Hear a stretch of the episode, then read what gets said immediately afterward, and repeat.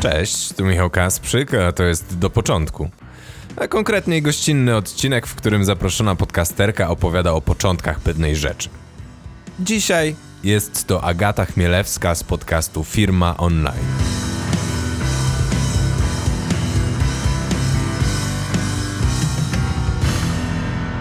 Ciocia, ciocia, opowiedz mi o lodach. Mleczne lub wodne, ręcznie wyrabiane lub ze sklepu, amerykańskie, włoskie, w rożku lub na patyku, w postaci gałek lub zakręconego stożka, wegańskie, bezglutenowe lub bez cukru, o przeróżnych smakach, śmietankowym, czekoladowym, migdałowym i jagodowym, cytrynowym, ciasteczkowym, gumy balonowej, palonego masła, pietruszki, dyni, marchewki, piwa, a nawet herbaty. Wymieniać można w nieskończoność, zwłaszcza, że jeszcze dodatki mogą być przeróżne. Ale do początku. Lody w swojej pierwotnej formie miały postać bardziej płynną niż stałą i powstawały poprzez schłodzenie soku owocowego z lodem i śniegiem. Podobno rzymski cesarz Neron wysyłał swoich żołnierzy do miejsc odległych o kilkaset kilometrów, aby ci przynosili mu lód, który potem skrapiano winem, dodawano do niego miodu lub owoce.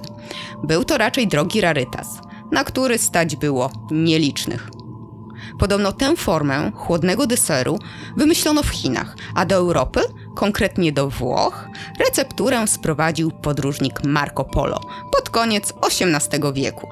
Wciąż bardziej je pito niż lizano, podgryzano czy jedzono łyżeczką. Dopiero, uwaga, naukowcy, a nie cukiernicy, wpadli na pomysł, jak stworzyć lody o stałej konsystencji. Już ich polubiłam. Ja też. Doszli do tego, jak lód może zamrażać inne substancje. Wiesz, jak to zrobili? Pudełko z wodą Pudełko z w wodą śniegu. umieścili w śniegu, który wcześniej posypali solą morską. Dzięki temu obniżono temperaturę lodu i był on w stanie zamrażać inne produkty, w tym właśnie sok owocowy. Tak powstały sorbety. Potem zaczęto zamrażać kremy mleczno-jajeczne i powstały weneckie lody śmietankowe. Z Włoch do Francji trafiły dzięki Katarzynie Medycejskiej, która została żoną króla Francji. No więc w tej Francji sycylijski arystokrata Francesco Procopio de Colpelli otworzyli pod koniec XVI wieku pierwszą lodziarnię Cafe Procope i szał na lody rozkręcił się na dobre. Jedzono je nie tylko w upały, a lekarze wręcz polecali jedzenie lodów w celu łagodzenia objawów niektórych schorzeń. Choć podobno i historia związana z Katarzyną, jak i z Francesco, to tylko legendy i nie są prawdziwe, to jednak brzmią troszeczkę romantycznie i interesująco. Nieprawdaż? Tak. A jak w domu? Lody zaczęto robić w domu w tak zwanych sorbetierach. Do miski wlewano płynną masę, z której po przykryciu jej warstwą lodu z dodatkiem soli kręcono lody. Do Polski lody trafiły dzięki dyplomatom przebywającym w Turcji, a lodowy biznes rozkręcił się na dobre, gdy lody dotarły wreszcie do Ameryki. Dlatego lubię Amerykanów. Ja też, ja Wiedzą co dobre. Z kolei, gdy wynaleziono chłodziarkę, to lodowe fabryki zaczęły powstawać szybciej niż można było się tego spodziewać. Amerykanów natomiast zaczęto uważać za lodowych obżartuszków. W każdej historii jest trochę prawdy i pokolorowanej mniejszej prawdy. Zatem i pewnie tak jest i tutaj, również jeśli chodzi o wcześniej wspomnianą Katarzynę czy Francesco. Dlatego przejdźmy do kilku lodowych ciekawostek, o których możesz nawet nie wiedzieć. Bo czy na przykład wiesz, że w internecie znajdziesz przepis na lody gorgonzola z gruszką, figami lub orzechami? Ten gorgonzola to jest taki ser pleśniowy. I brzmi ciekawie, nie powiem, ale nie wypowiadam się na temat smaku, bo nie próbowałam. Ja bym chciał spróbować. Oczywiście lody wielokrotnie trafiały do księgi rekordów Guinnessa. A to za długość, a to za wielkość wafelka, a to za ilość gałek na jednym wafelku. I co ciekawe, gałkowy rekord trzykrotnie podbijał ten sam mężczyzna. On podbijał swój własny rekord. Ambicjusz jeden. Ostatnie doniesienia mówią o 125 gałkach na jednym wafelkowym stożku. Wow. Tym gałkowym rekordzistą jest niejaki Dimitri Pansiera. Oczywiście, jak to z rekordami Guinnessa bywa, trzeba spełnić ustalone wcześniej zasady. W tym przypadku są to określone wymiary wafelka czy czas, w którym gałki muszą utrzymać się na wafelku. I jest to 10 sekund. Pan Dimitri to nie tylko je utrzymał przez te 10 sekund, a się przeszedł z nimi i nawet sobie coś tam polizał.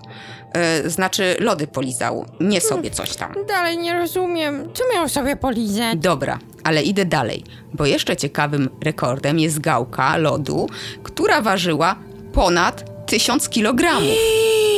Czyli tu nie poszli na ilość, a na jakość jednej gałki. W sumie to może nie na jakość, a na wielkość, co by się zgadzało, bo rekord ten ustanowili Amerykanie. Gałka ważyła dokładnie 1365 kg i 31 deko. Wysokość z kolei to 167 cm. Mm, czyli gałka lodu była wyższa ode mnie? Okej, przemilczmy to lepiej. Skupmy się na tym, że mieszkańcy mogli pojeść za darmo lodowej orzeźwiającej truskawki, bo o takim smaku była ta gałka. A jak jeść lody? No właśnie, jeść czy lizać, a może podgryzać. Różne są sposoby, a każdy jest dobry.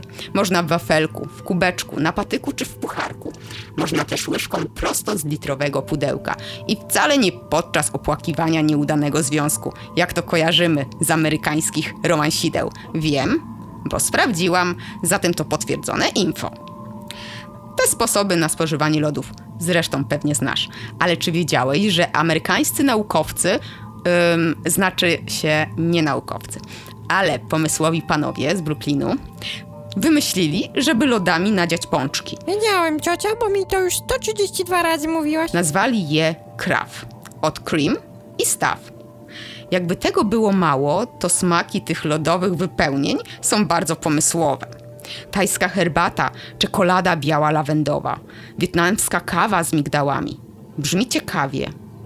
Hm, mniej ciekawie to potem się pewnie spala. Przeczesując internet w celu znalezienia lodowych ciekawostek, natrafiłam na artykuły mówiące o najdziwniejszych smakach lodów. Bałam się potwierdzać te informacje, bo sam zrozumiesz, jak ci zaraz wymienię te smaki.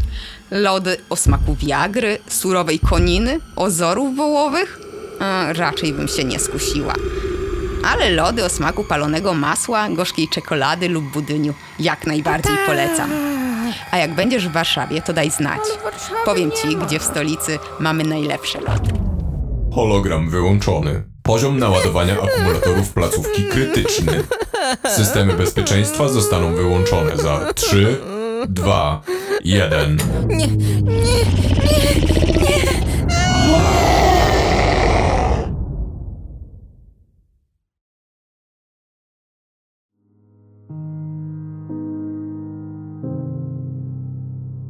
Agata, dziękuję, że wzięłaś udział w naszym projekcie.